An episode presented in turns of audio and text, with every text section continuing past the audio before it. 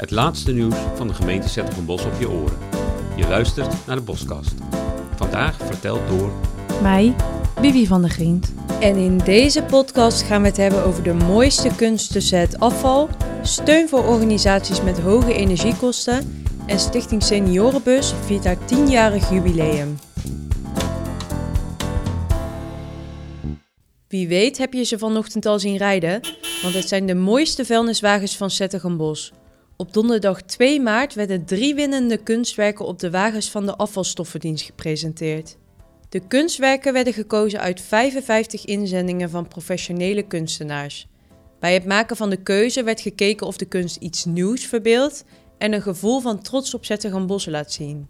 Marten Zink, Saskia van der Linden en Sander Dirks zijn de grote winnaars. En niet onterecht.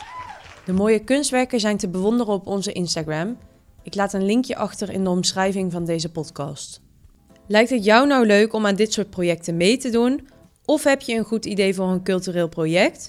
Houd dan de socials van de gemeente Bos in de gaten of meld je aan voor de nieuwsbrief van de afdeling cultuur. Dat kan via de link in de omschrijving van deze aflevering. De hoge energieprijzen hebben inmiddels ook gevolgen voor verenigingen en maatschappelijke organisaties. Daarom kan er een eenmalige compensatie nodig zijn. We stellen geld in een noodfonds beschikbaar. Dat doen we om te voorkomen dat verenigingen en maatschappelijke organisaties door de stijgende energiekosten in de financiële problemen komen. Organisaties die structureel subsidie van de gemeente krijgen, kunnen steun aanvragen via een formulier. In de omschrijving van deze aflevering staat een link voor meer info.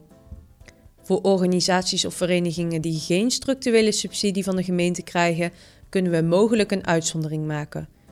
Vul dan dus ook het formulier in, dan beoordelen wij of je in aanmerking komt. Je kunt het formulier invullen tot en met 31 maart 2023.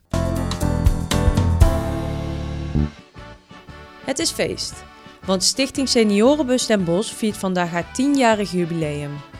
Op deze feestelijke dag overhandigt wethouder Marianne van der Sloot de sleutels van drie nieuwe elektrische auto's. Inmiddels maken ruim 700 senioren gebruik van de bus. Maar wat is het nou precies?